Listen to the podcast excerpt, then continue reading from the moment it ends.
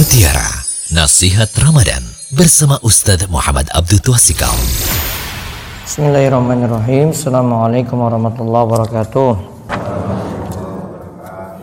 Alhamdulillah wassalatu wassalamu ala Rasulillah wa ala alihi wa man tabi'ahum bi ihsan ila yaumiddin. Allahumma inna nas'aluka ilman nafi'a wa rizqan thayyiba wa amalan mutaqabbala. Puji syukur kita panjatkan pada Allah Salawat dan salam mungkin-mungkin tercurah pada Nabi besar, Nabi Agung, Nabi kita Muhammad Sallallahu Alaihi Wasallam. Dua tingkatan orang yang berpuasa. Dijelaskan oleh Imam Ibnu Rajab Al-Hambali ada dua tingkatan orang yang berpuasa. Tingkatan pertama, orang yang menjalankan puasa dengan menjauhi larangan. Dia jauhi larangan, yaitu dia tidak lakukan makan, minum, hubungan intim dan mengendalikan diri dari berbagai perkara yang diharamkan. Nah, puasa tingkatan pertama ini mendapatkan karunia dan pahala yang besar. Dan Nabi SAW pernah mengatakan pada seorang inna kalanta da syai'an ittiqa Allahi jalla wa azza illa a'taqallahu khairan minhu. Jika engkau menjaga diri dari sesuatu karena Allah, maka tentu Allah akan memberimu yang lebih baik darinya. Karena orang yang berpuasa itu meninggalkan makan minum dan hubungan intim karena Allah, maka Allah akan mengganti dengan kenikmatan di surga. Seperti disebut dalam ayat, tadi kan tahan makan minum jadi maka diganti makan minum sepuasnya nanti di surga. Kulu washrabu am bima aslaftum fil ayyamil khaliyah. Makan dan minumlah dengan sedap disebabkan amal yang telah kamu kerjakan pada hari-hari yang telah lalu. Karena dulu tahan makan dan minum diganti dengan makan minum yang enak nanti di surga.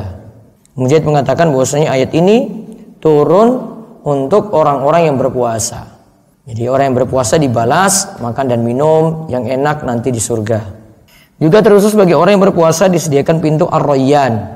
Sebagaimana disebutkan dalam hadis muttafaqun alaih dari Sahal bin Sa'ad Nabi sallallahu alaihi wasallam bersabda, di surga itu ada nama pintu Ar-Rayyan. Yadkhulu minhu imun yaumal qiyamah. Orang-orang yang berpuasa akan masukinya pada hari kiamat. La yadkhulu ma'ahum ahadun ghairuhum. Selain mereka tidak ada yang memasukinya. Yuqalu aina imun ditanya atau dipanggil, "Ih, mana orang yang berpuasa?" Fayadkhuluna minhu. Maka orang-orang berpuasa itu memasukinya. Faiza dakhala akhiruhum ugliqa falam yadkhul minhu ahadun. Jika mereka sudah masuk sampai orang-orang terakhirnya masuk yaitu orang yang puasa maka pintu itu ditutup dan tidak bisa masuk lagi orang yang lainnya.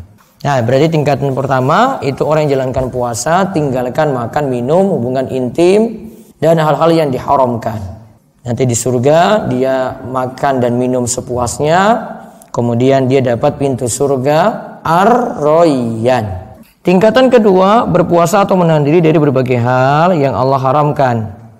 Baik di bulan Ramadan juga bulan-bulan lainnya. Ketaatan yang dilakukan bukan saat puasa saja, tapi sepanjang waktu. Ia terus konsisten dalam menjalankan perintah Allah dan menjauhi larangannya. Ia pun tidak melampaui batasan Allah. Ia meninggalkan kenikmatan dunia dan mengharap balasan di akhirat kelak. Sehingga hari berbukanya yaitu waktu merasakan nikmat ketika berjumpa dengan Allah di akhirat. Nah, kalau yang kedua ini bukan bahas puasa, namun dia jalankan perintah Allah, tinggalkan larangan sepanjang waktu. Berarti dia tidak hanya melakukannya di bulan Ramadan. Sehingga nanti buka puasanya kapan? Nanti ketika di akhirat.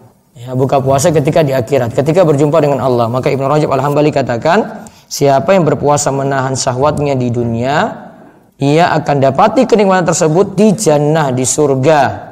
Siapa yang meninggalkan ketergantungan pada selain Allah, maka ia akan menantikan balasannya ketika berjumpa dengan Allah. Allah berfirman, "Man kana yarju liqa Allah fa inna ajalallahi laatin." Siapa yang mengharap pertemuan dengan Allah, maka sesungguhnya waktu yang dijanjikan Allah itu pasti akan datang. Berarti kesimpulannya ada dua tingkatan puasa. Pertama, puasa di bulan Ramadan saja. Nah, makan minum, tinggalkan hubungan intim dan tinggalkan maksiat saat Ramadan saja. Terus yang tingkatan kedua, ya puasanya sepanjang waktu. Dengan apa? Dia lakukan perintah, tinggalkan larangan sepanjang waktu. Tingkatan pertama tadi buka puasanya kapan? Ya saat maghrib. Sedangkan tingkatan kedua buka puasanya nanti ketika berjumpa dengan Allah.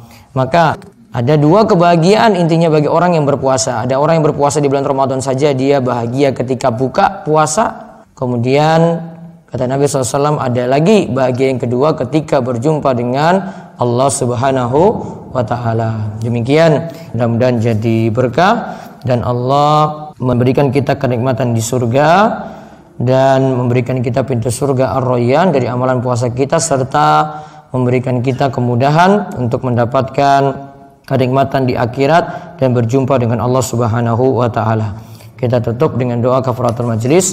Subhanakallahumma bihamdika asyhadu an la ilaha illa anta astaghfiruka wa atubu ilaik. Assalamualaikum warahmatullahi wabarakatuh. Demikian mutiara nasihat Ramadan bersama Ustaz Muhammad Abdul Tuasikal.